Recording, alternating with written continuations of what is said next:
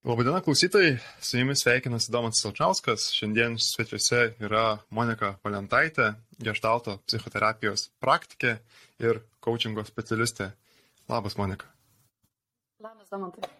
Tai šiandien aš su Monika noriu pašnekėti apie gestaltą, gestalto psichoterapiją, gestalto psichologiją ir gestalto coachingą. Kad visas gestaltas yra labiau apie holizmą, ar tai apie visų minčių susijimą ir mažiau kategorizavimo. Ir toksai atrodo, kad kiekvienam pokyčiui,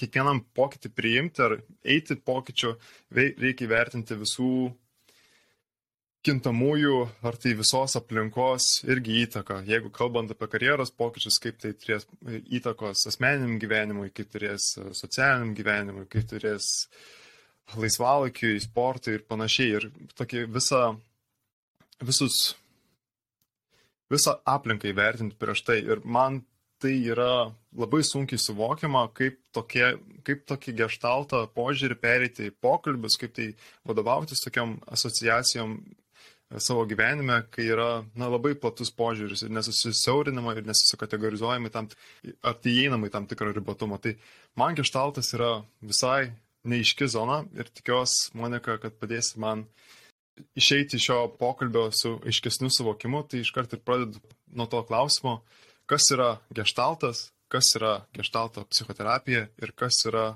gestalto coachingas. Gestaltas pats kaip žodis, tai yra iš vokiečių kalbos kilęs terminas, kuris reiškia figūrą arba formą. Tai jeigu mes taip tiesiog įverstume į lietuvių kalbą, tai būtų forminė arba figūrinė psichoterapija. Mm, prasidėjo viskas nuo gestalto psichologijos, kurioje buvo išskiriami pagrindiniai terminai. Tai paminėsiu juos du, nes jie ir šiandien yra naudojami ir gestalto terapijoje, tai yra figūra ir fonas. Tai kai tu sakai, kad pagrįsta holizmu, jog viskas yra susiję, figūra vis tiek egzistuoja. Fonas tai yra tas viskas. Aplinka, kaip tu sakai, ir santykiai, ir ką žmogus sako jo kūnas, ir ką sako emocijos, ar ne, emocinė savijauta. Ir lygiai taip pat kažkokie tai tikėjimo galbūt momentai, dvasingumas. Ne? Visa tai yra svarbu, visa tai yra susiję.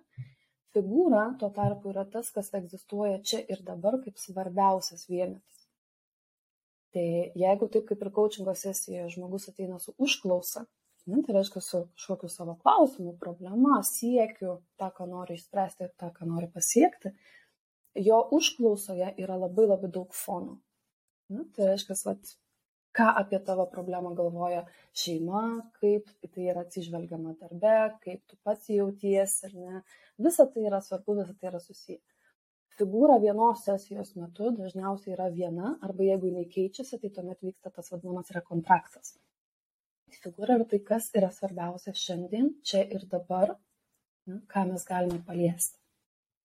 Ir noriu taip šiek tiek suglausti, ne, tai kad tas holizmas yra kaip požiūris į žmogų, bet nebūtinai požiūris į sesiją kaip į pokalbį pokalbyje vis tiek struktūra jinai egzistuoja. Yra pokalbio pradžia, yra pokalbio pabaiga, yra užklausa ir yra iškylanti figūra, kuri tiesiog išskiriama iš fono.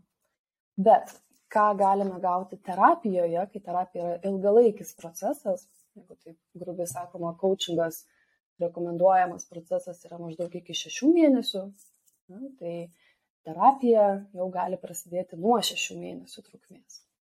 Tai reiškia, susipažinti su žmogumi užtrunka apie kokią, na, sakyčiau, 12 kartų, 12 valandų, tai 12 savaičių dažniausiai būna.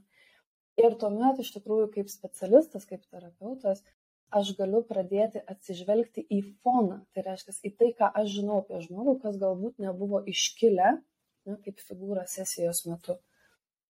Ir tuomet gaunasi, kad viskas yra susiję, žinai, ir galima pradėti gilintis ir lysti giliau ir toliau. Tai ar gerai suprantu, ir čia man atrodo noriu tapatinti, kad visa figūra yra sąmoningas dėmesys, kur dabar yra nukreipiamas dėmesys tam tikrą dalyką. Na, sakykime, jeigu einam dėl, dėl tiesiog pavyzdžių, karjeros pokyčių, nori keisti, keisti darbą, tai man iš karto asociacija, kad figūra yra tas dalykas, kur na, nukrypta visas sąmoningas dėmesys ir gal nebūtinai yra pagalvojama, ar tai būtent į dėmesį neįkrenta pilnai šeima, ar tai laisvalaikis, ar tai dar kitos aplinkybės, kas yra susijęs su uh, karjeros pokyčiai. Ar gerai suprantu būtent, kad gali būti figūra tapatinimo su sąmoningu dėmesiu, kur na, yra nukrypstama. Ar čia šiek tiek toksai kažkokie skirtumai yra? Labai geras klausimas. Žinai, aš dar pridėsiu, kad gestalto terapeutai penkis metus mokosi atsakyti klausimą, kas yra figūra ir kas yra užklausa ir kuo tai skiriasi. Dar yra žodis poreikis, viskas, ko žmogui okay. reikia. Tai užklausa šiuo atveju būtų noriu keisti karjerą, ne, noriu keisti karjeros kryptį, kaip sakykime. Figūra nebūtinai yra sąmoningai įsisamoninta, nebūtinai yra sąmoningai suprantama daugiau kaip terapijos tikslas, kočerio arba terapeuto ar ne tikslas šiuo atveju būtų tą samoningą dėmesį nukreipti į figūrą. Kaip pavyzdys, noriu keisti karjerą, tai yra užklausa, tai yra tai, ką žmogus kaip ir atsineša protų ar ne įvardinamą klausimą, kryptį, sritį. Ir figūra gali būti nerimas dėl to, kaip jaučiamas figūra gali būti noriu keisti karjerą, bet man šiuo metu yra svarbiausia pinigai. Ne? Finansinis stabilumas ir saugumas. Figūra gali būti mano im, santykis su vyru, kaip jisai reaguoja į tai, kad aš noriu keisti savo karjerą. Tai figūra visada yra, kas yra svarbiausia, kas yra, nes kartais žmogus kalba iš proto, ne, labai, labai daug aiškiai ir struktūruotai ir nesusidėlioja, Ir tuo tarpu kažkur tais va ta figūra, ir na, jinai vis tiek lieka nepajudinta, jinai lieka neapšviesta tarsi. Kas buvo svarbiausia, kas šitoje temoje yra svarbiausia. Ir į tai atveda klausimas, kas su tavimi vyksta na, tuo metu, kai tu apie tai kalbi arba apie tai galvoji. Ir va čia atsiranda ta vieta holizmui, kas su tavimi vyksta karjeros pokyčio temoje.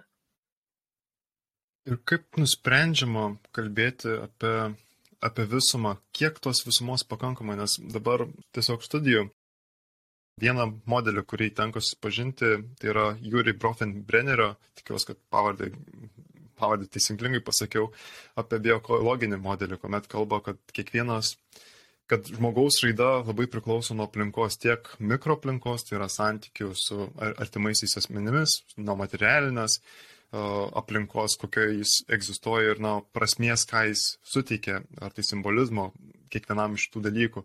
Ir visoje toje mikrosistemoje jis yra dar dalis makrosistemos, kuri yra kultūrinė, teisinė, politinė, e, ekonominė, kuri daro įtaką žmogui, kuris jis nelabai ir gali pakeisti makrosistemos na, iš savęs ir na, netaip ir greitai tos pokyčius gali atlikti.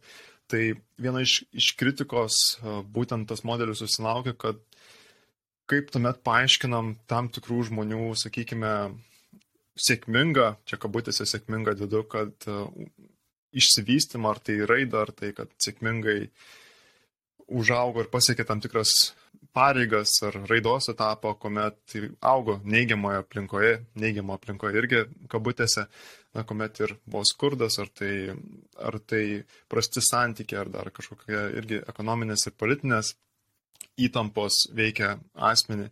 Tai kritika, kuri susilaukia būtent iš to modelio, jeigu jau kalbant arba bandom aiškinti žmogaus raidą, tai yra kiek tuomet bandom išsigilinti ar tai išsiaiškinti visą kontekstą, visą aplinką prieš nusprendžiant, kad na, žmogus yra savarankiškas asmo, kad na, pats žmogus gali priimti sprendimus, kad aplinka jam netiek daug įtakos daro, ar tai bandant aiškinti skirtumus iš pačio asmens, tai man galvojant apie patį coachingo procesą, jeigu kalbant apie, sakykime, pačią sesiją ir galvoju, kaip pats gestaltas, ar tai gestalto, gestalto žinios, gestalto psichoterapijos žinios padeda nuspręsti, kiek to fono apriepti ir kuomet e, pakankamai to fono yra apkalbėta, įvertinta, įsisamoninta prieš perinant vėl prie figūros ir judant lės, sakykime, tų to, to paties karjeros pokyčio. Kada yra pakankamai to fono apžvelgiamo, kad vėl grįžti prie figūros ir judėti prie tų pokyčių? Labai platus toks kompleksinis tavo klausimas. aš kažkaip gal dar apie pačias savokas noriu mm, patikslinti. Figūra egzistuoja visą laiką, kaip ir fonas egzistuoja visą laiką. Nėra taip, kad nueinam į foną ir grįžtam prie figūros. Visada esame tam tikroje figūroje, kas yra svarbiausia. Kaip pavyzdys, pas mane dabar ką tik pravažiavo automobilis ne, pro langą. Aš tai pastebėjau, mano dėmesys kaip ir akimirkai nuėjo tenais. Ne? Tai mano figūra kaip ir pasikeitė tai milisekundžiai, kai aš pažiūrėjau į, į automobilį pravažiuojantį, bet mano dėmesys yra čia su tavimi, atsakyti į tavo klausimus ir tai yra pagrindinė figūra šiuo metu mano šitos valandos. Nepaisant to, kad šalia to aš galbūt dar ir kavą arba vandenį geriu, ne, tai reiškia patenkinu savo kažkokius fiziologinius poreikius, jeigu ištrokštų visa tai yra svarbu, žinai, bet figūra yra tas, kas yra pagrindas, kas yra svarbiausia čia ir dabar. O bandant, taip žinai, gal sakyčiau, filosofuoti ir svarstyti, nuo ko priklauso, kad žmogus iš neigiamos aplinkos, kabučių net nedėčiau, kartais tikrai aplinka yra neigiama, jeigu nėra smurtinė, jeigu nėra žalojanti žmogaus psichika, ar ne, kartais net ir fiziškai žalojanti kad žmogus gali atsitiesti ir kad gali iš tikrųjų tapti, kaip mes sakome, sėkmingas, visavertiškas, pilnavertis žmogus. Aš manau, tai yra tikrai labai labai amžinas klausimas, tai kad geštaltė ar coachingė, bet visose kryptise, kur yra besigilinama į žmogų, kaip suprasti, kad žmogus viduje turi resursus, iš tikrųjų turi resursus keisti ne, ir rinktis, kokį jis gyvenimo kelią nori gyventi. Tiktais kartais, aš gal sakyčiau, kartais žmogus iš tikrųjų turi daugiau vidinę stiprybę ir vidinį tokį atsispyrimą pats nuo savęs, kas kartais yra užsispyrimas, ne, kažkokio, kaip per filmus rodo dažnai, pažado davimas. Aš niekada nebūsiu toks kaip mano tėvas, ar ne? Ir tas pažadas kartais žmogų iš tikrųjų taip stipriai veda per visą gyvenimą. Noras įrodyti, noras nepailsti, ar ne? o kitam reikia išorinio paskatinimo, išorinio paplekšnojimo per petį ir pasakymo, tu gali, ne, parodymo, edukavimo. Žiūrėk, gali būti kitoks pasaulis, kitoks gyvenimas, negu kad tu gyvenai vaikystėje galbūt. Nuo ko tai priklauso, kad vienam reikia išorinio, kitam užtenka vidinio to resurso? Aš asmeniškai tikrai neturiu atsakymų. Bet jeigu taip žiūrint bendrai, manau, kad abieji tie resursai, tiek išoriniai, tiek vidiniai, jie tarpusavyje koreliuoja ir jie tarpusavyje susijungia. Reiškia, žmogui reikia tiek išorė, išorinio palaikymo ir paskatinimo, tiek vidinės stiprybės. Ir įdomu tai, kad vat, ką atrandu galbūt terapijoje, ko neatradau coachingė anksčiau, kartais žmogus gali būti pernelyg stiprus. Tai reiškia, pernelyg besikliaujantis savo vidiniais resursais, kaip pavyzdys to užsispyrimu, noriu, noriu įrodyti kažkada tais prieš daug metų duotų pažadų ne, ir jo besivadovavimu, kad nebemato to, kas yra čia ir dabar, kur kas svarbiau. Žmogus vis dar vejasi kažkokią tai seną svajonę, vis dar dėl jos labai smarkiai dirba, vis dar laukia galbūt pasakymo, kad esi šaunuolis, kad įrodai, nors dabar galbūt jau yra sukurta šeima, galbūt jau yra savi vaikai, ar ne, galbūt yra na, amžius kitas, sveikata kita, tai yra nebeatsižvelgiama, nes yra taip stipriai įsikandus laikoma ta sena svajonė. Tai va čia irgi yra tas momentas, kad kartais pasikeičia fonas, o figūra išlieka ta pati pagrindinė. Tai tuomet žmogų verta pargražinti ir parodyti jam, žiūrėk, atkreip dėmesį į foną kokia tavo sveikata, kokia tavo aplinka, kokia galbūt, nežinau, finansinė padėtis, kas vyksta išorėje, o tu taip stipriai laikaisi vis dar to paties. Aš gerai girdžiu, kad būtent kur, kur dėmesys jau nukreipiamas ar tai figūrą, ar tai foną, priklauso nuo to, kas yra dabar svarbu asmeniu, ar tai yra labiau, sakykime, vidinius resursus, pažvelgti, juos ugdyti, jeigu aplinka yra teigiama ir reikalinga įvykdyti pokyčius, kurie reikalauja vidinių resursų, tai labiau žiūrėjimas, kas tau yra svarbu, ar kaip juos ugdyti, kaip puoselėti ir atrasti motivaciją kažkam. Ir jeigu yra tie vidiniai resursai asmenyje, tai paskatinti ar tai pakviesti apžvelgti visą foną, tai yra išorę, kodėl, sakykime, jam vis dar yra svarbu siekti savo išsikeltų tikslų, e, kokį tai poveikį daro kitiems, ar tai įvertinti tus gyvenimo aspektus kaip sveikatą, šeimą, ar tai dar kažką. Kad viskas yra kur kas paprasčiau ir tuo pačiu sunkiau negu atrodo, nes tas, kas paprasta, tas dažniausiai yra nelengva. Tai kaip ir sakiau, gestalto terapeutai penkis metus tyrinėja foną, figūrą, po kiekvienos sesijos yra šitas klausimas iš supervizoriaus užduodamas. Ne? Kokia buvo figūra, kokia buvo užklausa ir kokia buvo figūra. Ir dažniausiai tai nėra tas pats. Na, apie ką žmogus norėjo kalbėti ir kas iškilo kaip pagrindinė figūra valandos trukmės ar kartais 20 minučių trukmės sesijoje. Ir tuomet yra dar kitas klausimas, koks yra poreikis. Ne? Tai poreikius galime įsivaizduoti tuos pagrindinius bazinius iš maslau piramidės, kad ir, ne, tai vad ko žmogui reikia. Reikia saugumo, reikia pagarbos, reikia meilės kaip priklausimo kažkam, tai ar ne socialinio poreikio patvirtinimo tokio. Reikia autonomijos, reikia žinių ir augimo poreikio. Ir va tas vėlgi yra tavo pavyzdys apie karjeros pokyčius, tai vienas iš klausimų galėtų būti, o ko iš tikrųjų reikia arba ko stinga, trūksta šiuo metu, kad norisi keisti karjerą. Vėlgi tas at, kažkuris tai poreikis gali iškilti kaip figūra ir nors užklausa bus apie karjeros pokyčius ir tam tikro galbūt netgi plano turėjimą, ar ne, visą tai veda paskui žingsnius. Bet iš pradžių bus tas, vat, o kas yra svarbiausia, kas yra tas lemiamas skirtinis taškas, kuris šitą klausimą apskritai leidžia suformuluoti. Nes juk žmogus kitu atveju tiesiog pakeistų karjerą, tokio klausimo net nekeltų, nei tu kalbėtis nei su terapeutais, nei su coacheriais ir net viską galėtų pats. Bet va, tas, ko reikia, ko tau reikia, ko tau reikia. Ir kartais netgi šitas klausimas gali būti užduodamas kontrakto metu, net ir coachingui ko tau iš manęs reikia, ko tau reikia iš mūsų sesijų. Tai va, tas, kas būtų naudinga, kas būtų apčiopiamas rezultatas. Vėlgi, kuo giliau mes tai gilinsime, kuo daugiau užduosime tą patį klausimą, tuo labiau tikėtina, kad žmogus prieis prie savo kažkokios pagrindinės figūros kaip poreikio ir tai nebus tiesiog atsakymas, noriu sužinoti kažką naujo. Ne? Toks yra, arba noriu paaukti. O kas tau būtų augimas, ar ne, o ką tai reikštų? Tai reiškia, kur, kur tu dabar nesijauti augantis ir tuomet gali atsakyti klausimą, ne, o tai kur tu nori paaukti. Tai va tai irgi yra ta, tas momentas, tas, tas va, pasigilinimas, tas, ko iš tikrųjų kartais paprastoje, galbūt kasdienėje kalboje, komunikacijoje pritrūksta, pritrūksta laiko, pritrūksta dėmesio, pritrūksta noro pasigilinti į savokas, į poreikius, į tas, kas yra po tuo, į jeigu taip apjungiant, gestaltinis coachingas, jisai iš tikrųjų tokią dovaną, tokią vertę žmogui ir gali suteikti. Tai yra skirti laiko pasigilinti, pačiam geriau suprasti, kas yra po mano pirminio atsakymo. Nes pirminis atsakymas jis dažniausiai būna greitas ir mm, toks tarsi savaime suprantamas. Tas, kas savaime suprantama, dažniausiai į pokytį neveda kaip ir coachingė mes žinom, kad žmogus gauna gerą klausimą, jeigu nutyla ir padaro pauzę prieš jį atsakant.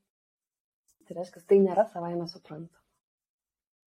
Ir man įdomu, jeigu žmogus nori pradėti tyrinėti savo klausimus iš pasirinkimų gestalto psichoterapija ir gestalto coachingas, ką jis turėtų žinoti renkantis šias dvi sritis? Aš nežinau, ar aš esu labai mm, gera atsakytoja šitą klausimą, nes tikrai nesu padariusi kažkokios rinkos analizės, kas liečia gestalto coachingą, ypač Lietuvoje. Aš žinau, kad tai egzistuoja, žinau, kad taip yra pavadinamos tam tikros paslaugos, dažniausiai tai yra žmonių, kurie yra ir gestalto terapeutai, ir coachingo specialistai. Tuomet tai apjungiu ir vad galiu savo paslaugą vadinti gestalto coachingu. Aš asmeniškai nesijaučiu drąsi ir stipri tame apjungime, nes aš niekada nesimokiau pas kažkokį tais mokytoją, kuris būtų gestalto coacheris. Tai dėl to aš savo paslaugų taip nevadinu, tiesiog apsidrausdama ir aš atskiriu. Ir aš sakau, kad žmogumi pirmus, na, dešimt kartų, ar ne, iki dešimties, iki dvylikos kartų tikrai galime dirbti coachingo, coachingo formatu, kai žmogus ateina su užklausa, aš tą jo užklausą iš tikrųjų patikiu ne, ir mes, tai sakant, tik tais ties tą užklausą ir dirbame. Užklausa gali būti ir kiekvieną sesiją, kiekvieną kartą, ar ne, kažkiek tais keistis. Tai yra tas, kad ko nori šiandien, ar ne, koks būtų rezultatas šiandieną tau, tau toksai lemiamas. Tuo tarpu žmogus nebesijaučia toks stiprus ir toks užtikrintas, kad galėtų įvardinti savo užklausą ir suformuluoti realų apčiuopiamą rezultatą, kurio jisai siekia. Štai čia, manau, yra ta vieta, kur galima pradėti kalbėti apie terapiją. Na, kai, nes iš tikrųjų coachingo ta filosofija tokia yra labai graži ir įkvepianti, kad žmogus turi visus atsakymus savyje, aš sakyčiau, iš to terapinio, iš psichoterapijos pasaulio, ką atradau, kad žmogus ne visada vis dėlto pasako savo tuos atsakymus. Tai ne tas, kad jis jų neturi, bet tas, kad terapijos ilgalaikis procesas gali žmogų paskatinti būti nuoširdesniu su pačiu savimi. Ir tam reikalingas laikas. Tiesiog ilgesnė trukmė ir žmogus, stabilus žmogus, kuris bus šalia ir tam tikrose vietose galbūt prigaus, ne, kai žmogus bando savo, pirmiausia savo, o ne kitam pameluoti.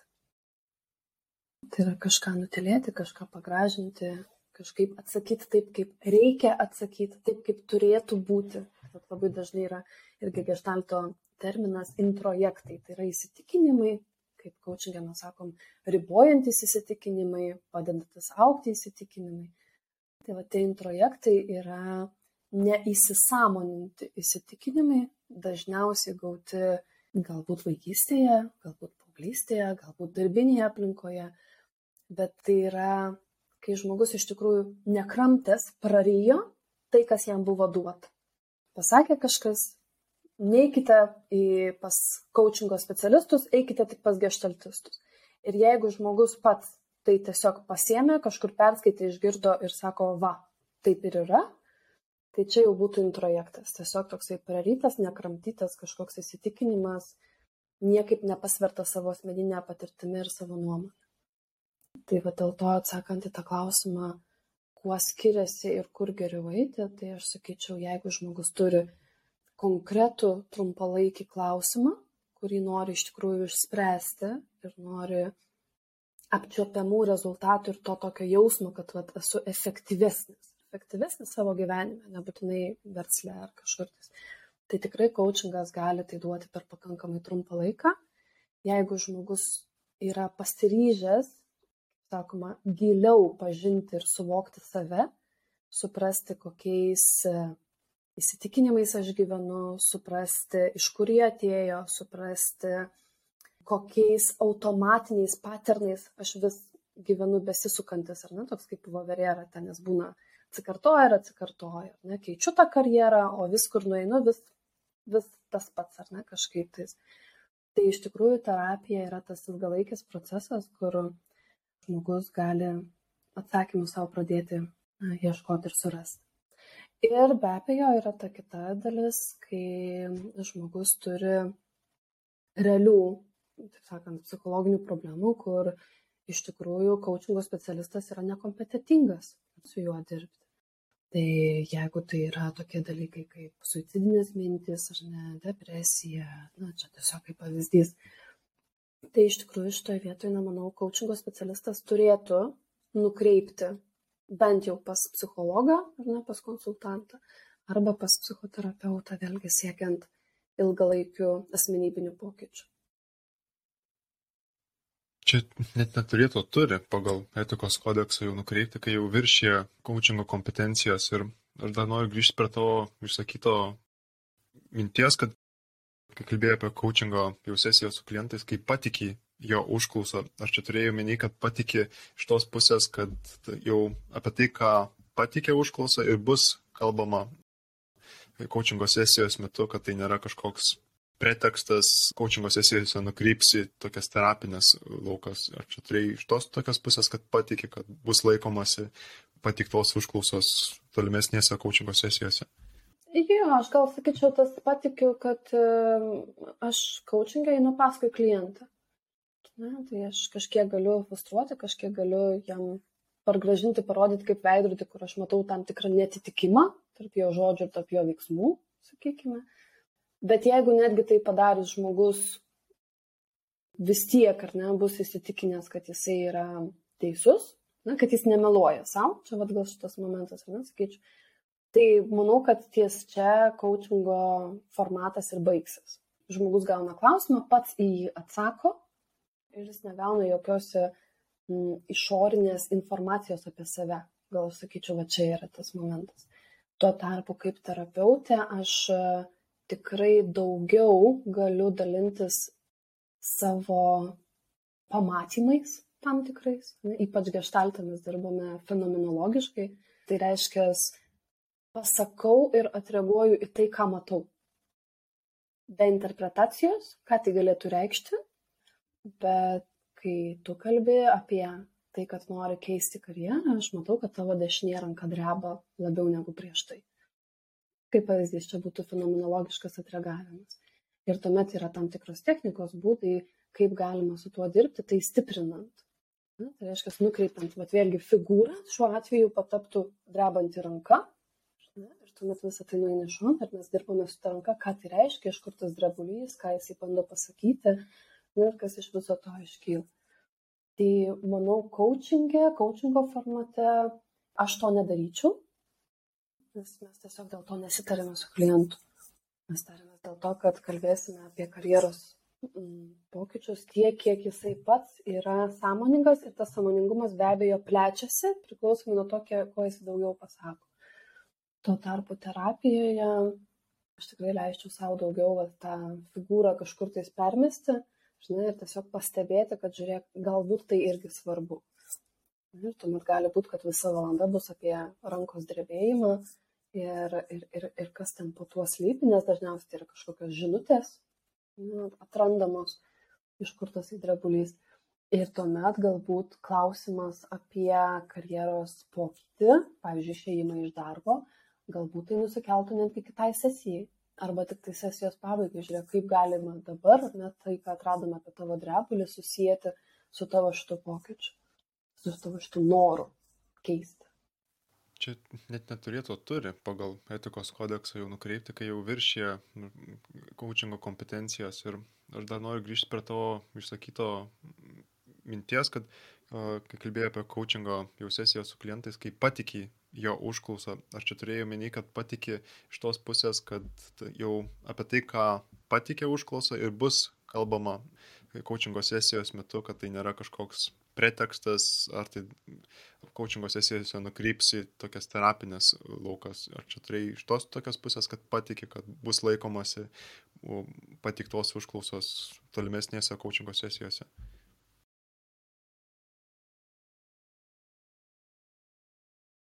Jo, aš gal sakyčiau, tas patikiu, kad aš coachingą einu paskui klientą.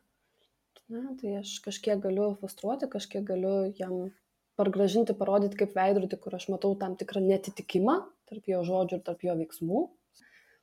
Bet jeigu netgi tai padarys žmogus vis tiek, ar ne, bus įsitikinęs, kad jisai yra teisus, na, kad jis nemeluoja savo, čia vad gal šitas momentas, ar ne, sakyčiau, tai manau, kad ties čia coachingo formatas ir baigsis. Žmogus gauna klausimą, pats į jį atsako ir jis negauna jokios išorinės informacijos apie save. Gal aš sakyčiau, va čia yra tas momentas. Tuo tarpu kaip terapeutė aš e, tikrai daugiau galiu dalintis savo, savo pamatymais tam tikrais. Ne, ypač gestaltą mes dirbame fenomenologiškai. Tai reiškia, pasakau ir atreaguoju į tai, ką matau. Be interpretacijos, ką tai galėtų reikšti, bet kai tu kalbi apie tai, kad nori keisti karjerą, aš matau, kad tavo dešinė ranka dreba labiau negu prieš tai. Kaip pavyzdys, čia būtų fenomenologiškas atreagavimas. Ir tuomet yra tam tikros technikos būdai, kaip galima su tuo dirbti, tai stiprinant.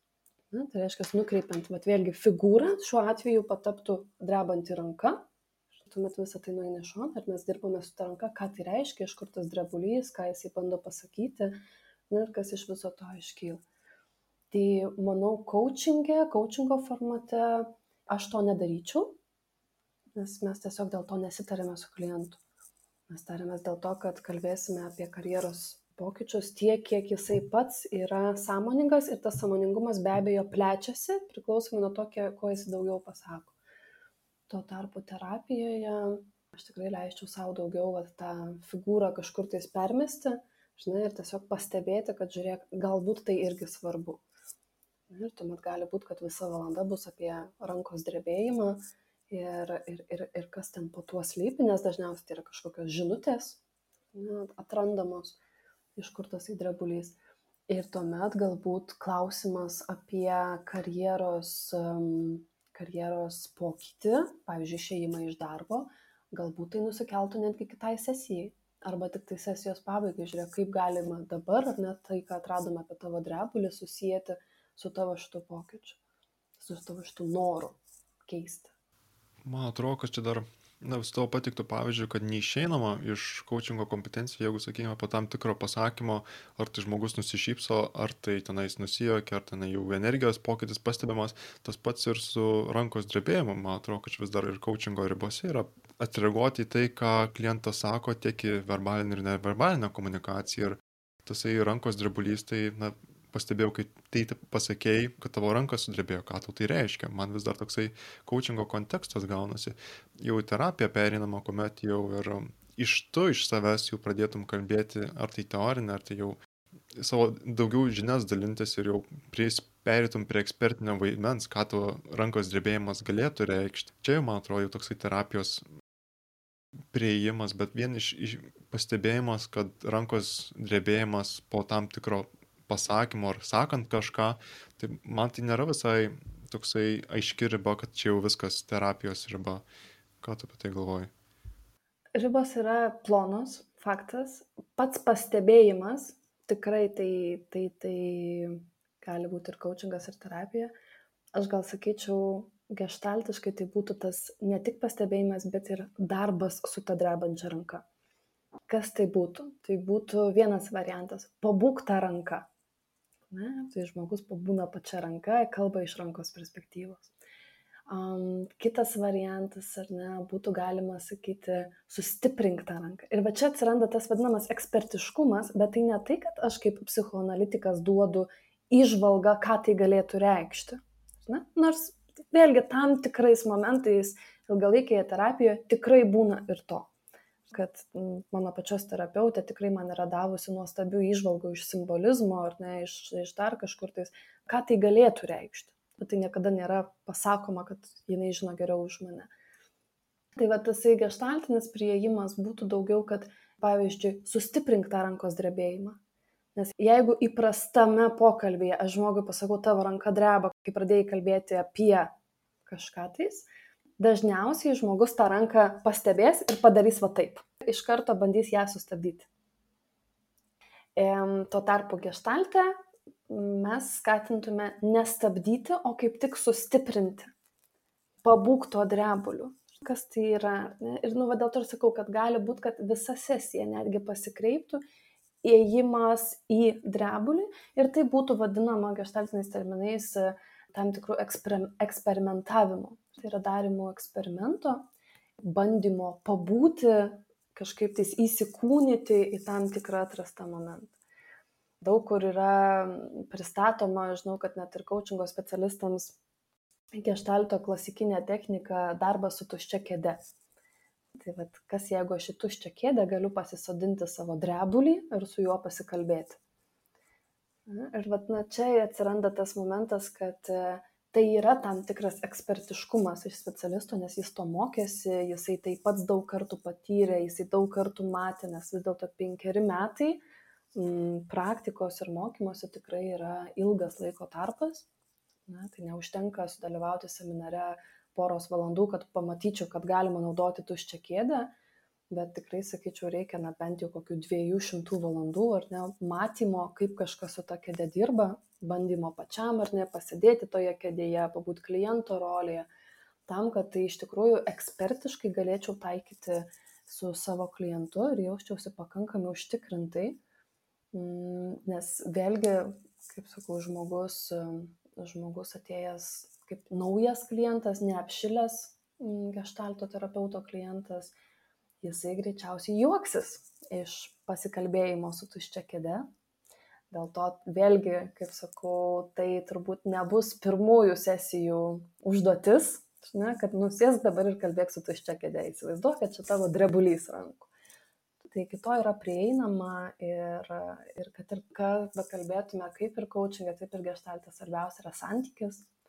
Tai va tiesiog tas, kad terapijoje aš skirčiau ne terapeuto ekspertiškumą kaip kažkokį tais žinantį geriau, žinai, kaip, kaip klientas masto ir kaip turėtų mąstyti, bet išskirčiau ilgesnį santyki, tampresnį santyki tarp terapeuto ir tarp kliento, kur tiesiog gali būti na, gilesnis vienas kito pažinimas na, per tai, kaip mes tame santykėje būname.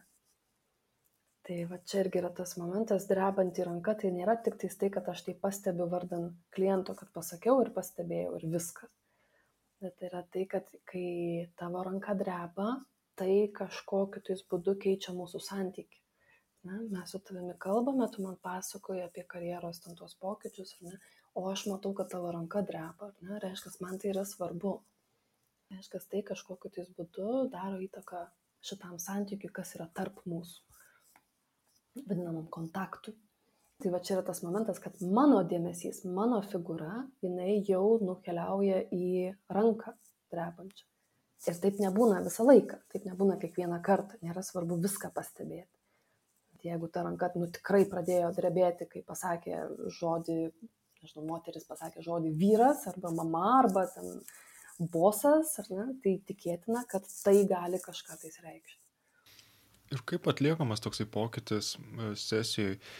Ir, nes man įdomu, kad jeigu, na, sakykime, ir aiškumo šiek tiek atnešti, kad jeigu jau kalbama, sakykime, apie karjeros pokyčius jau ir tuomet pastebė, kad terapeutas, kad ranka dreba, ar iškart jau tuomet ir pakeičia iš savęs terapeutas visą pokalbio sesijos struktūrą, kad gerai kalbam dabar apie ranką, ranka yra čia svarbiausia, karjer, nors ir užklausa buvo apie karjeros pokyčius, bet iš savęs taip ekspertiškai pakeičia sesijos struktūrą.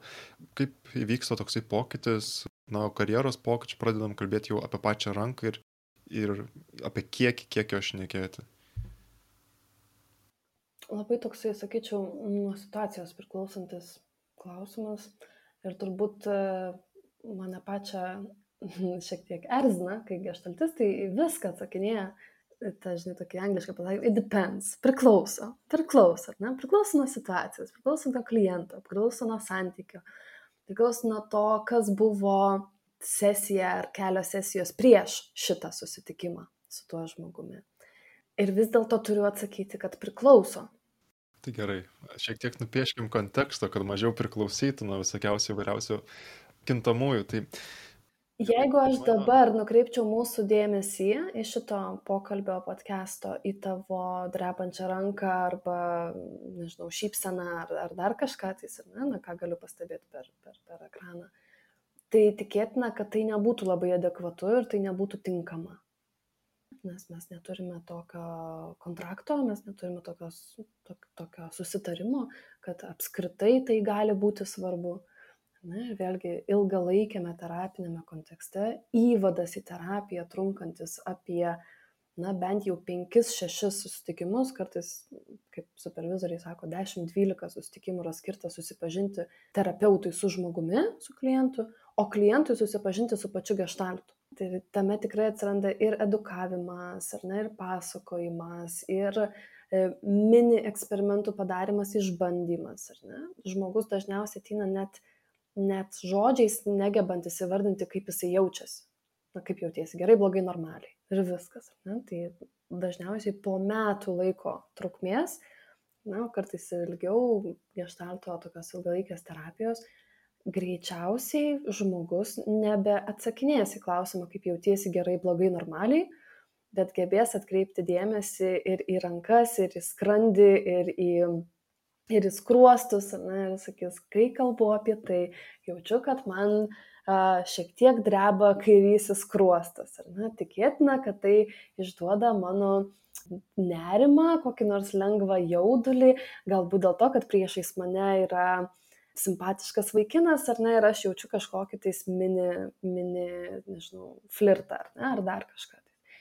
Ir tai gali būti iš tikrųjų na, didelis rezultatas, kai kalbant apie tą samoningumą, ne tik tais iš sprendimų prieimimo, bet ir iš samoningumo pačiam savo, kas su manimi vyksta. Ir vat tuomet, kai žmogus turi tokį įgūdį, ne, tokį tarsi ištreniruotą raumenį, suvokti, kas su juo vyksta čia ir dabar, tuomet greičiausiai ir sprendimas apie, apie karjeros pokyčius ateis žymiai lengviau, ne, nes tai bus vadinama tokiu didesniu kongruentiškumu. Tai reiškia, kai žmogaus veiksmas, emocija, ar net apskritai ta bendra savijauta ir jo verbalika, ne, žodžiai ir mintis, kurios eina jam į galvą, susijungia. Tai reiškia, tai tarpusavyje nesipeša. Tai vad tuomet bus užtikrinta ta kongruencija, kad žmogus gali pats savimi patikėti ir dar ir kitam užtikrintai tą atsakymą pateikti. Tai grįžtant prie drebančios rankos, kaip perinamas tas pokytis, tai nuo daug ko priklauso. Ir dabar girdžiu, kad pirmiausia, ir jeigu jau kalbant apie terapinį kontekstą, tai visas susipažinimas, santykių užmėsgymas, susipažinimas su pačiu geštatu, kas tai yra, kaip vyks procesas, viskas panašiai.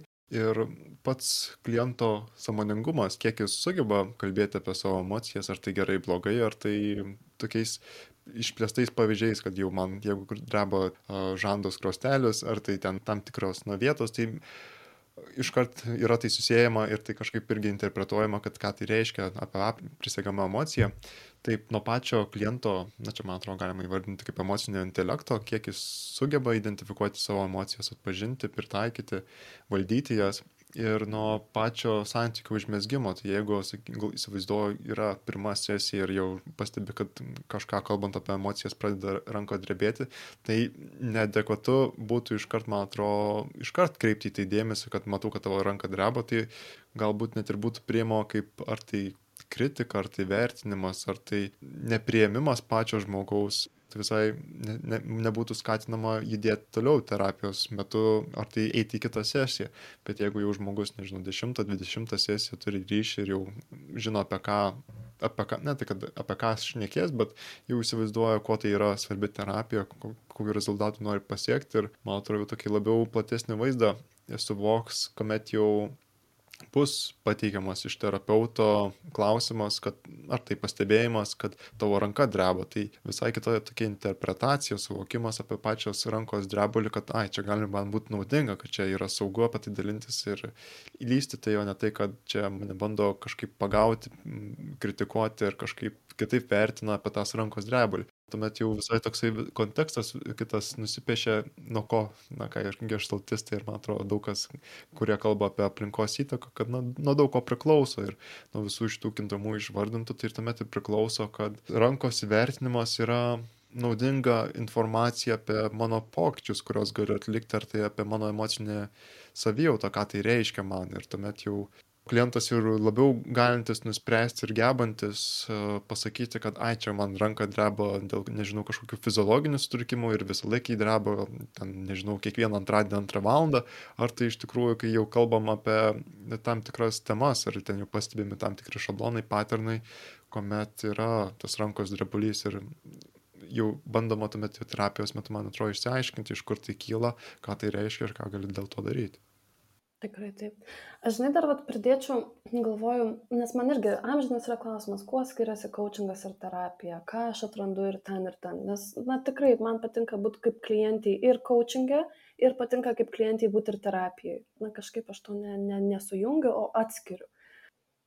Vienas iš skirtumų yra tas, kad terapeutas e, gali padėti man atpažinti mano pasikartojimus elgesio, mąstymo, netgi tam tikrą prasme savijautos, ne, kažkokių tais iškylančių stipresnių jausmų, ko greičiausiai coachingo specialistas nelabai gali padėti man padaryti, vėlgi dėl laiko trukmės, ar ne, nes na, su manimi žmogus, kuris yra, aš pavyzdžiui, pas savo terapeutą, tikrai nevaikštau kiekvieną savaitę, bet aš pas ją lankausi jau 8 metai tai aš einu kartais kas tris mėnesius, kartais kas pusę metų, ar ne, bet iš esmės aš turiu žmogų, kuris tarsi seka mano gyvenimą.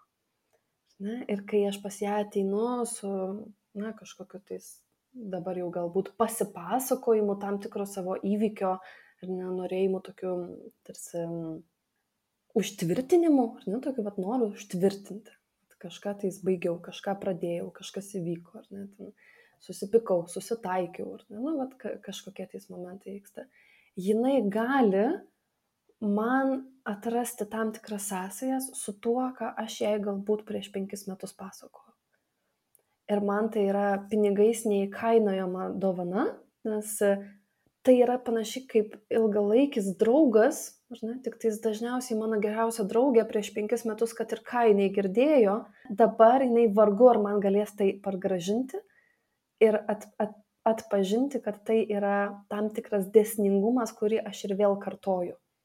Ir vėl brendu į tą patį upelį tuo tarpu koučingo specialistas greičiausiai jis gali apie tai manęs paklausti ir aš galiu kažkiek tais ar nedidindama savo sąmoningumą apie tai svarstyti, samprotauti ir atsakyti pati, bet jeigu aš pati nebūsiu pajėgi pastebėti, kad aš šiandien darau tą patį, ką dariau prieš penkis metus, coachingo specialistas niekaip man to na, nepargražins, ar ne, nes jo tiesiog, jo tiesiog nebuvo tame formate. Tai gal penki metai yra labai didelis laiko tarpas, tai yra retas atvejis, aš nepažįstu daug žmonių, kurie aštuonis metus turėtų savo tą patį terapeutą, dažniausiai juos keičia, bet, kaip sakau, jau metai laiko yra tikrai pakankamai daug, kad būtų galima su žmogumi kalbėti apie asmenybinį pokytį, koks tu buvai prieš metus, kai mes susitikome ir koks tu esi dabar ir per tuos metus laiko galėjo būti daug klausimų išspręstų ir daug tokių laiptelių į viršų paliptų, kas liečia asmeninį augimą, kas liečia efektyvumo stiprinimą, karjeros pokyčius, tuos pačius galbūt žmogus jau kelis kartus padarė. Ne? Ir dėl to aš tikrai matau galimybę derinti coachingo specialisto turėjimo ir terapeuto. Pas terapeutai, nu, kaip į nuolatinį procesą, o pas coachingo specialistą arba net pas kelis skirtingus, einu tam, kad iš tikrųjų e, turėčiau tą tokį mąstymo partnerį, ne, kuris man padėtų tam tikrus klausimus atsakyti pačiam savo, ar ne, greičiau, efektyviau, aiškiau, su didesnė struktūra ne, ir su to tokiu įsivardinimu, o tai ką aš čia ką tik pasakiau. Nu, kaip aš mastau, ne, va tas vad suvokimas. Tai o geštaltai yra žymiai daugiau ne tik tais apie mąstymą ir ne tik tais apie tai, ką aš žinau, bet lygiai taip pat apie ko aš, ko aš nežinau apie save, ko aš nepasakau, ką aš nutyliu net nuo terapeuto. Na, ir tam reikia laiko, kad iki to ateiti. Man dabar įdomu pasidarė, kuo tau yra naudinga pasidalinti, ar tai labiau išgirsti tokius pokyčius, kurie įvyko per metus ar tai pen, per penkis iš pačio, na, paimkim, iš terapeuto. Kuo tau yra naudinga pasidalinti ir išgirsti tokius pokyčius, kuriuos atlikai? Aš jaučiu, kad augu. Labai trumpai žinok. Toks atsakymas, nes vėlgi aš nežinau, ar taip yra visiems. Mano klientams taip dažniausiai yra, dažniausiai man tai pasako, kurie, kurie lankosi metus ar ilgiau kad tai yra iš tikrųjų apčiuopiamas augimo jausmas.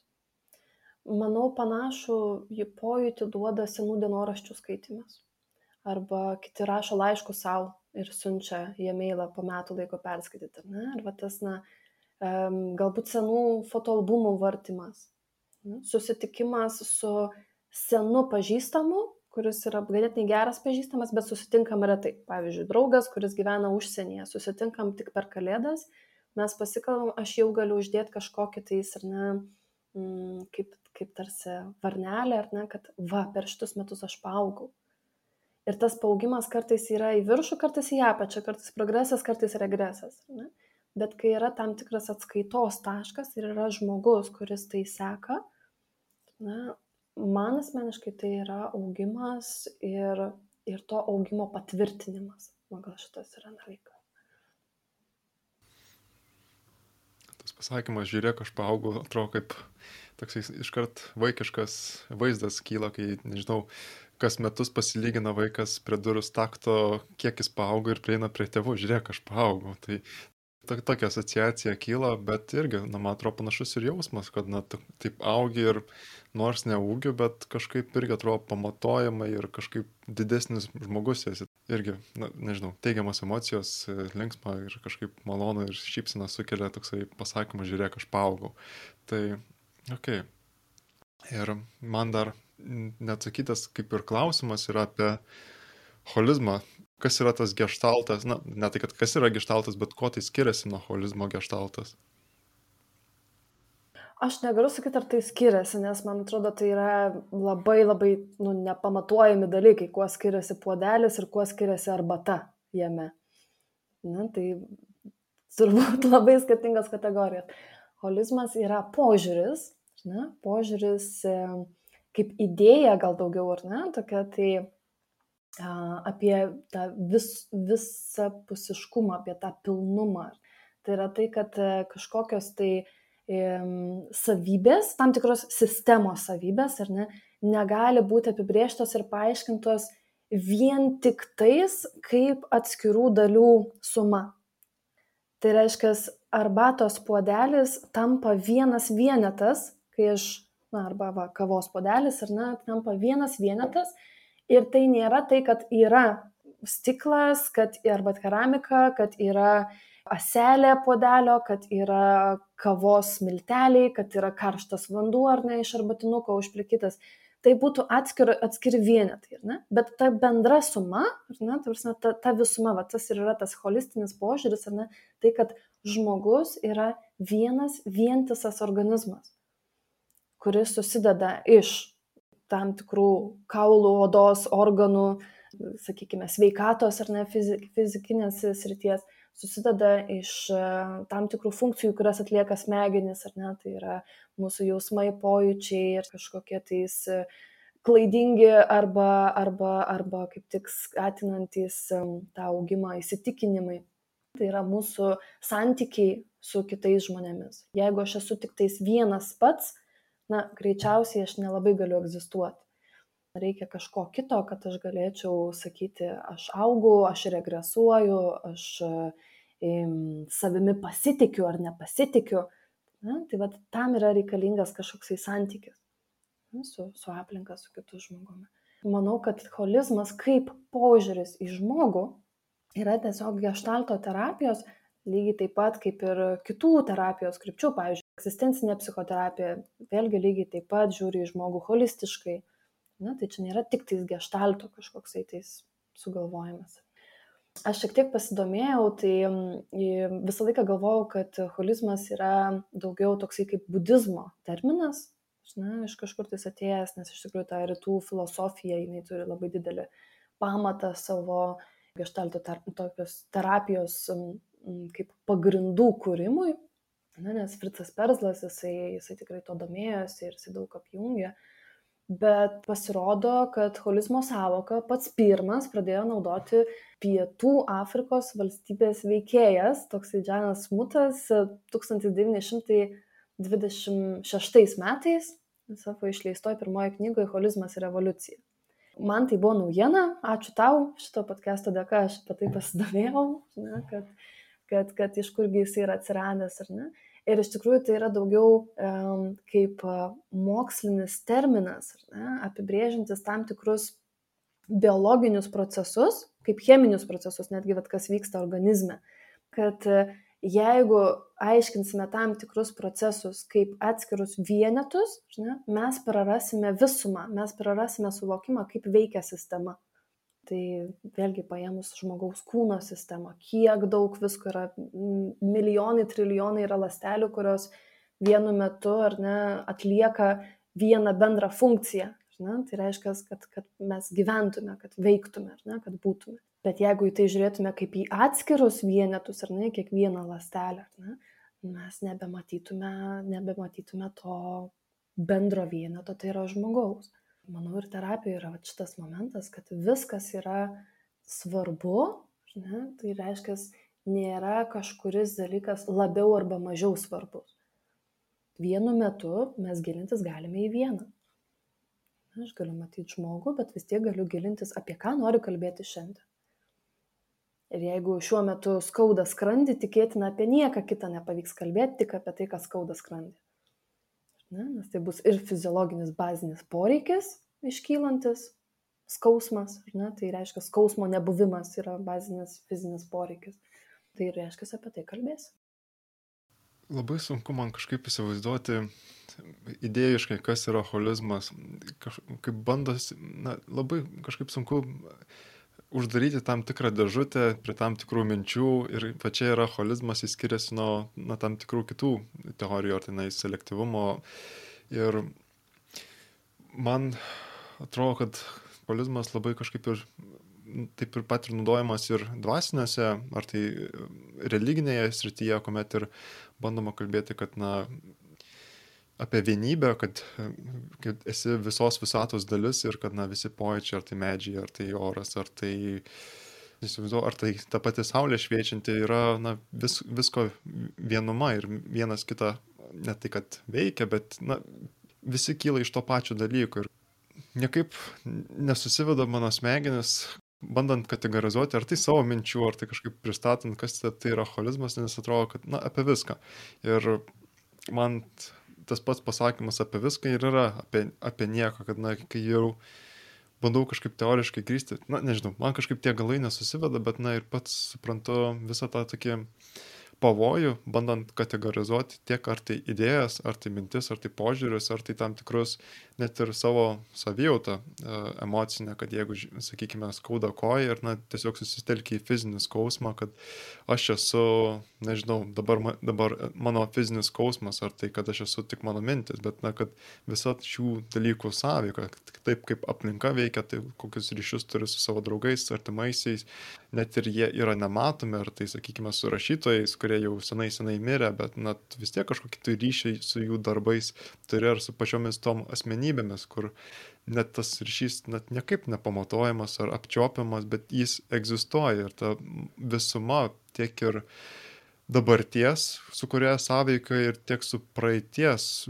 iš vis, visko, ko mes kilome. Ir bandymas kažkaip kaip ir moksliniai tyrimai bando, kad į laboratorijas atvesti, sukontroliuoti visus kintamosius ir iš to rezultatus paimti, nesižvelgiant į žmogaus aplinką, ar tai iš kur jis kilo, ar tai na, kitų kintamųjų, kurie na, nepasireiškia laboratorijai, bet na, pačiam žmogaus pasaulyje, kuris gyvena. Tai matau tos tokius ribotumus, pavojus, kai užsidaromi tam tikrus savo mąstymo rėmus ir, ir bandom kategorizuoti, bet ir tuo pačiu labai sunku man asmeniškai yra galvoti apie visą holizmą, kad santykis su visais, nes mes kažkaip, bent jau aš, jeigu bandau siekti kažkokio tikslo, tai, na, sakykime, jeigu studijos, gerai, egzaminai, darbai, tai ir užsidarai ir kažkokį tokį, užsidarau tokį ribotumą, kad, na, nereikia man čia galvoti apie kaip aš kokią aš ryšį turiu su visais kitais asmenimis, ar tai su praeities autoriais, ar tai,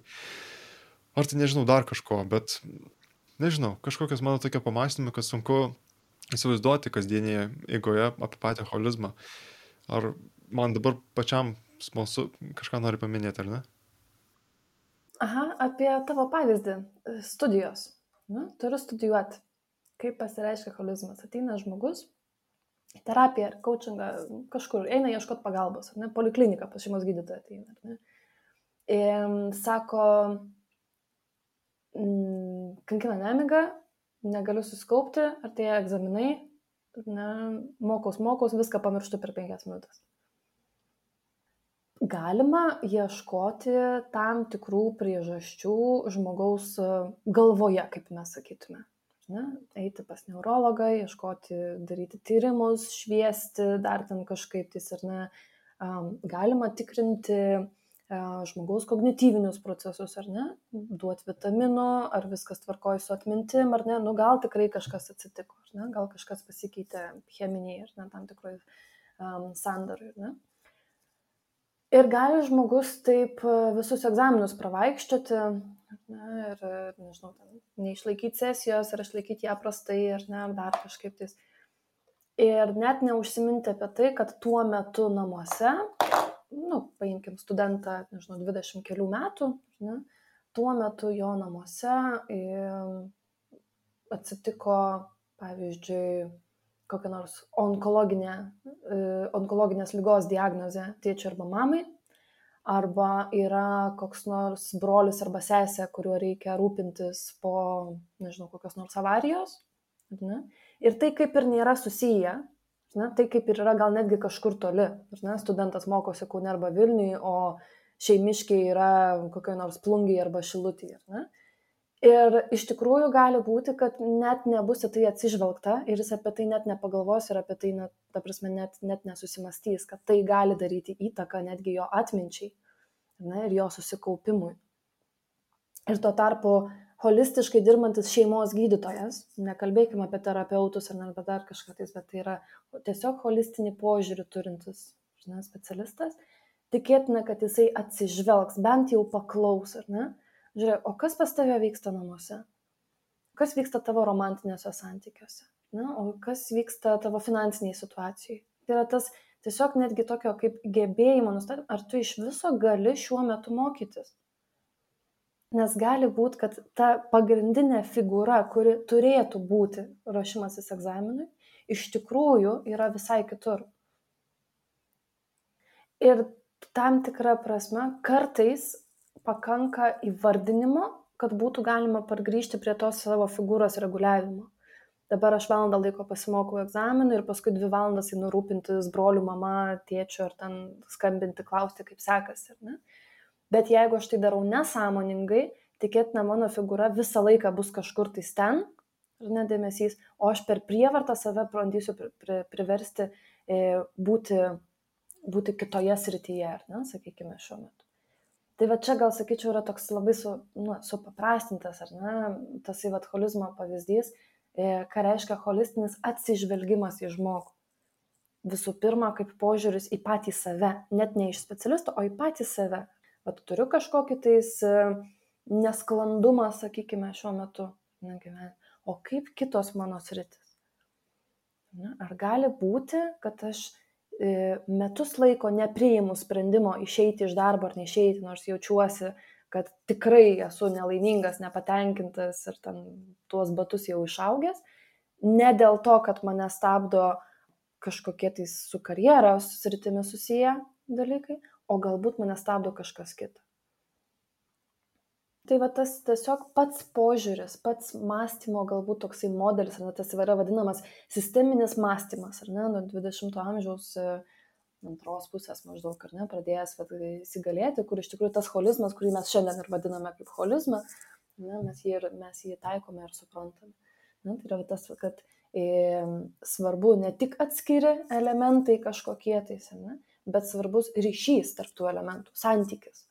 Tas kaip kas yra susiję toks pat ir tikėtina, kad tam, kad žmogus jaustųsi, sakysiu žodį nelaimingas, bet toksai saugus ir stabilus, tai tikėtina, kad nuo to priklauso e, ryšys tarp jo skirtingų gyvenimo sričių, tarp skirtingų elementų. Man atrodo, kad labai lengva užsidaryti tokius mąstymo rėmus, kuomet na, vyksta kažkokie skubus ar tai svarbus gyvenimo pokyčiai, kurie įtraukia į tą veiklą ir nuo tuomet atrodo, kad va čia yra svarbiausias dalykas ir kažkaip susi, užsidarai tam tikras sritis. Ir man įdomu, kaip tu posėlėjai e, holizmo ar tai holistinį e, požiūrį, mąstymą. Um, žinai, aš pasakysiu labai paprastai. Aš vedu mokymus, apie tai vedu paskaitas. Ir tikrai tikiu tuo, kad kai aiškinu kitam ir pačiai vis aiškiau pasidaro. Na, tai yra vienas tas momentas. Per tokias diskusijas, kaip dabar, kad su tavimi, ne, aš, nu, aš neturiu atsakymų. Aš dabar taip sėdžiu ir galvoju, ką pasakys mano mokytojai, kai išgirs šitą podcastą, jeigu išgirs ar ne, kad ar aš čia nusikalbu ar nenusikalbu ar ne. Tai yra šitas momentas, kad tikrai mokausi apie tai kalbėdama, ne tik, ne tik skaitydama, ne tik tais girdėdama kitus, bet ir pasakodama. Netgi artimoje aplinkoje, vat, su antra pusė, tikrai tokias diskusijas turime ir kalbamės, ne, kaip suprantam, ką matom. Ne, tai. Ir kitas momentas, ką aš darau, mm, aš rašau, gal negaliu dabar jau to pavadinti kaip dienoraščių, bet e, tikrai veduosi užrašus, kur karts nuo karto persižvelgiu savo tą tokį klasikinį gyvenimo balanso ratą, ne, iš aštuonių sričių susidedantį, tai kaipgi mano skirtingos gyvenimo sritis tarpusavyje sudera. Na, ir aš tai darau gal net ne, ne dėl to, kad kažkur eičiau dabar daryčiau sprendimus ir žingsnius, bet tam, kad iš esmės įsivardinčiau, e, kiek aš turiu to tokio vidinio suderėjimo, ne, tokios darnos. Kartais tikrai gaunu gerą, gerą tokį spyrį į gerą vietą pati savo, ne, kai pamatau, kad na, tos darnos netiek daug jau ir yra. Ne, ir tuomet verta atsižvelgti į kažkokią tais apleistą sritį.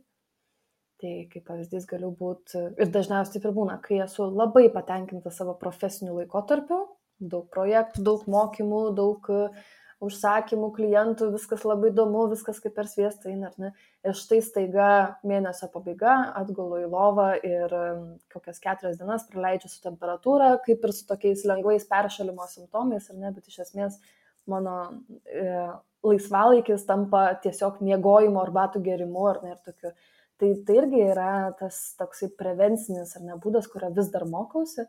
Tai yra laiku atsižvelgti į savo kūno limi, limitus, ar ne, gal sakyčiau, tokį fizinį ribotumą, kad e, aš turiu iš tikrųjų rūpinti savo, savo sveikata profilaktiškai ir dėja to dažnai nedarau, nes vis dar galvoju, kad gyvensiu amžinai ir esu nesenstanti, nieko neserganti ir, ir, ir tikrai turiu savo tai priminti. O kitas momentas, kuris dažnai būna apleistas, tai yra mano laisvalaikis, kuriame nebūtų psichologijos, coachingo, terapijos, nu, kažko tai, žinai. Tai tai darau kars nuo karto pasidovanodama savo kokį nors romaną, kuris nebūtų susijęs su, nu, taip prasme, kaip aš sakau, ne jalomo romaną, bet kokį nors, kokį nors nežinau, ar apie, ar apie teatrą, ar apie meilę, ar apie kosmosą, ar ne, bet apie kažką tais, kas būtų iš tikrųjų toliau nuo mano tos ryties, nes tai yra irgi tam tikras atstatymas, ar ne, atstatymas to balanso, kad aš nenueičiau visą laiką tik tais į vieną kryptį. Tai va. Nes tikrai, nu, aš ir čia pasakysiu, kad aš jau kiek jau dešimt metų visame šitame e, burbule, ar ne, esu psichologija, coachingas, terapijos, ne, ir savęs pažinimas, gilinimasis į, į kito žmogaus pažinimą. Ir jeigu užsibūnu tame per ilgai, labai greitai suprantu tą tokio holistinio požiūrio ar ne, praradimo pasiekmes, kad, kad na, aš, aš ne robotas, aš gal, negaliu įsijungti vienos programos ir tik tais ją vykdyti. Na, man reikia valgyti, miegoti, praustis ir, ir turiu tai daryti karts nuo karto bent jau kokybiškai kad atstatyčiau resursus, kurie man yra reikalingi, kad galėčiau gilintis į kitus momentus. Man tai yra holizmas. Mano požiūris į save, kad viskas yra susiję. Dėkui iš pasidalinimo keletas tokių replikų dėl laisvalaikio. Man atrodo, labai sunku ir gal net ir visur ir egzistuoja ta psichologija ir labai sunku man, man asmeniškai yra kažką, kažkokį laisvalaikį daryti, net ir tą patį knygų skaitimą. Randi ten psichologijos ir net jeigu pernelyg daug kažkur tam tikram teoriniam uh, nagrinėjime esi, tai jau pats taikyti tas teorijas, net ir skaitomėse knygose, laisvalaikiai, net ne, nebūtinai tai to darbo atrodo kaip ir nori atsijungti nuo darbo, bet vis tiek randi to darbo net ir laisvalaikį. Tai toks pastebėjimas ir minėjai, kad jau to nebevadini dienoraščiu. Dėl ko ir kaip tai vadini dabar? Nes anksčiau tikrai vedžiau dienoraštį ir tai būdavo kasdienis rašymas kiekvieną dieną. Ir, ir tai būdavo daugiau kaip dienos apžvalga kažkokia tais kitos dienos, žinai, ir toks tarsi planavimasis. Dabar tai yra daugiau padrika, dabar daugiau tai yra be nustatytos datos ir laiko, kada aš rašysiu. Tai gal aš dabar tai, žinai, vadinčiau daugiau tokių laisvų rašymų tai vat į, į tą laisvą rašymą, į savo kažkokių tais minčių, mm, įvykių sekos išleimą, ar ne, kas, kas vyko pastaruoju metu. Ir, ir tuo pačiu, vat, padarant tą balanso rato įsivertinimą, net tų aštuonių sričių, nu, vat, tarsi pasitikrinimą, o kaip aš dabar gyvenu. Tai aš sakyčiau, daugiau tai yra ne dienoraštis, daugiau tokių laiškų savo rašymas, karts nuo karto, susirašinėjimo su savimi, nes tai vedu į vieną sąsiuvinį, tai atsiverčiu, paskaitau, ką rašiau prieš tai. Ne, tai irgi gaunas toks, vat, tarsi testinumas ar ne to. Ir tikrai darau tai įvairiai. Kartą du kartus per mėnesį, kartais, kartais vieną kartą per tris mėnesius. Na, tai vat, o kartais net kelis kartus per savaitę. Jeigu kažko daugiau vyksta na, ir tiesiog jaučiu, kad reikia išsirašyti kažkur tais tai nuguldyti. Tai dabar girdžiu, kad pagal poreikį labiau pats visas rašymas vyksta, ne toksai kaip struktūrinis įprasčio palaikymas ir kasdien toksai uh, nusivedimas. Ir man įdomu, kaip, kaip perėjai prie to pokyčio nuo kasdienio rašymo į, į, iki tokio lais, laisvarašio, kur jau net ne, ne, neplanuoji tam tikrų rašymo dienų. Per gestalto studijas išsigydžiau savo priklausomybę nuo rašymo, kurią turėjau per coachingo studijas. Jokas jokais, per paskutinį coachingo mokyklos seminarą, tai truko pusę metų, mano, mano mokytojas sako, man, kad tu gali, sako, padaryti eksperimentą ir nerašyti. Nu, tiesiog, nes aš iš esmės, aš rašydavau viską, aš konspektuodavau, aš, aš knygutę, nu, tokia gal 400 puslapių užrašų knygutę, aš ją prirašydavau per nepilną mėnesį, per kokias tris savaitės. Bet dabar tikrai rašydavau daug visur ir visada. Ir um, pradėjusi studijuoti gestaltą, pirmi metai yra be teorijos, galima sakyti, tik tais grupinės terapijos patyrimo procesas, kur tiesiog būnam visi klientais ir būnam ir žiūrim, kas bus. Ne? Tai va tas mokymasis neapibrieštumo, to holizmo, to, to, to chaoso, tokio iš, išbuvimo. Ir aš padariau tą eksperimentą, aš nusprendžiau neturėti užrašų knygutės ne, per, per, per, per susitikimus ir nerašyti. Ir buvo labai sunku, bet ką tuo pačiu pradėjau mokytis per vat, savo aštuonerius metus gestalto, gestalto mokslo, tai mokytis atpažinti savo poreikį. Na, tai vėlgi buvo daug terapijos sesijų apie tai, ką, ką man duoda tas rašymas, kam jis man reikalingas, apie ką jisai ir ne, nuo ko aš bandau pasislėpti galbūt už sąsiuvinio, kai būnu grupėje, ne, nes tai yra mano dažnas vat, terapinis klausimas - buvimas grupėje, ne vienas ant vieno, kai yra 20 žmonių. Ne. Tai su tušinuku ir lapuku aš tikrai jaučiuosi saugesnė. Ne, galiu tarsi, tarsi būti, bet tuo pačiu ir nebūti tuose procesuose. O kai nieko neturiu rankoje, ne, tai vėlgi, pavyzdžiui, telefono neturiu, ne, ir ten ne, ne, ne, nebėgu laiškų atrašinėti per pertraukas. Reikia būti santykėje. Tai kuo labiau gestaltas mane mokė būti santykiai ir kontakte, man vis dar tai sunku, bet vis dar to mokausi, tuo mažiau slepiuosi arba bent jau sąmoningai save sustabdau, kad galiu dabar ir nerašyti ir parašysiu kažkuomet, kai būsiu viena ar ne, ir iš tikrųjų pajausiu, pajausiu tokį stimulą, ar ne, sakyčiau, kad dabar yra tas laikas, kai aš galiu tai daryti. Na, tai dažniausiai tai bus to laisvo laiko turėjimas, kažkoks kaip ritualas, procesas, nežinau, kavos arbatos pasidarimas, žvakutės užsidegimas ar ne muzikos įsijungimas. Kad, na, tai, tai, tai nebėra kasdieniška, man gal šitas momentas. Tai, tai čia irgi mano asmeninis toksai niuansas, kad aš turėjau gydytis priklausomybę nuo rašymo. gan neįprasta priklausomybė. Ir jau artėjant į pokalbio pabaigą, kuo tu norėtum pasidalinti ar pakviesti klausytojus? Aš žinai, galvoju, gal kažkaip su tavo savo istorija apie dienoraščio rašymą net ir užbaigčiau. Um, apie, apie savo poreikio išgirdimą. Tai, tai tikrai yra nuolatinis procesas, Aš netikiu tuo, kad įmanoma sakyti, aš išmokau išgirsti savo poreikį. Tai yra tik tai, kad mokausi, bandau, kartais gaunasi geriau, pasidžiaugiu, kartais nesigauna. Ir tai yra mano atveju, ir ne, na, bet vienas iš pavyzdžių buvo apie, apie išgirdimą poreikio, kada aš iš tikrųjų noriu ir galiu savo, savo, savo parašyti dienoraštį. Ne, ir ir tam tikrą prasme pradėti vengti automatizmo, automatinio įpročio. Ne? Ir taip tai nėra kasdieniška, tai nėra galbūt įprasta, ne, tokia priklausomybė, ne? Tai, bet tai yra būdas pabėgti iš grupės, ne? būdas pabėgti iš santykio. Kai kurie žmonės rūko, kai kurie žmonės geria, kai kurie žmonės e, valgo, ar ne, kai kurie žmonės su ausinukais visada būna, telefone skrolina.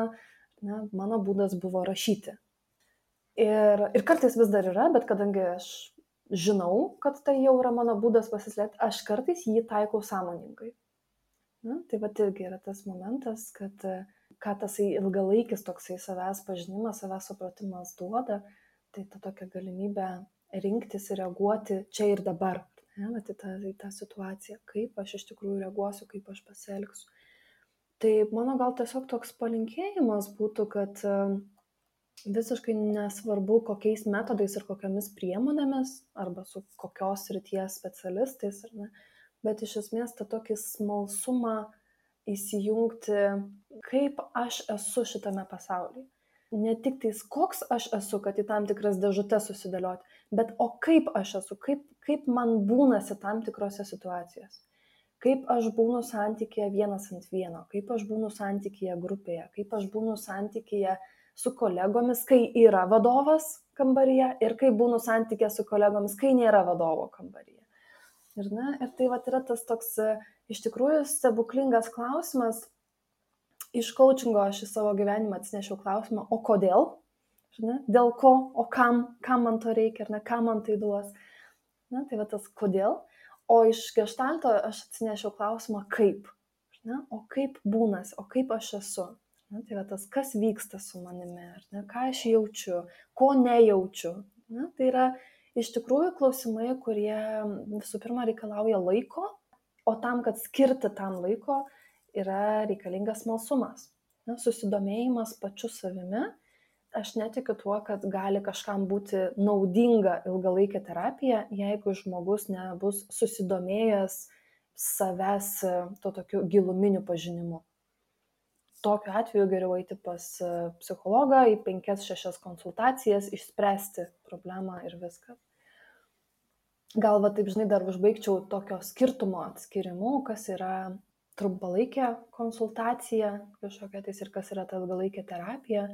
Tai at mano viena kolegė, kaip pasidalino, man labai patiko tas pasakymas, kad pas psichologą, ne, pas, per konsultaciją, tai žmogus ateina su mėgstuku, kuriame yra dėmė. Ir psichologas bando tą dėmę išvalyti ne, per įvairiausias priemonės, ne, ką galima naudoti, ką daryti, galbūt galų gale neišeis išvalyti, bet užlopysim tą, tą dėmę, ar ne? Nu, bet vat, tai yra visas dėmesys į mėgstuko dėmę. O terapeutas sako, aha, ar esi pasiruošęs mėgsti mėgstinį iš naujo. Išardysim visus siūlus ne, ir mėgsime iš naujo.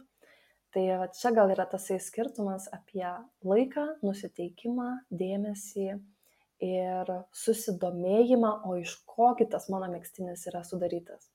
Kokiegi yra mano mėgstinio kaip mano asmenybės siūlai labai graži metafora ir tas pats palinkėjimas, pagalvoti, kaip aš esu.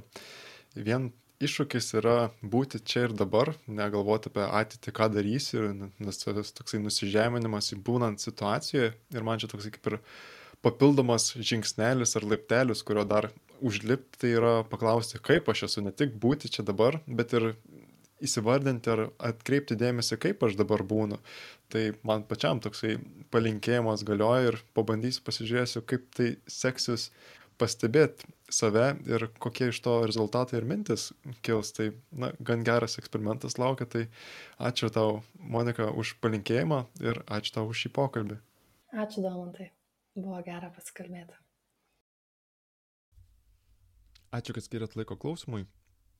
Jeigu įdomu, kaip galite prisidėti prie šio podcast'o gyvavimo, tai visas nuorodas rasite įrašo aprašyme.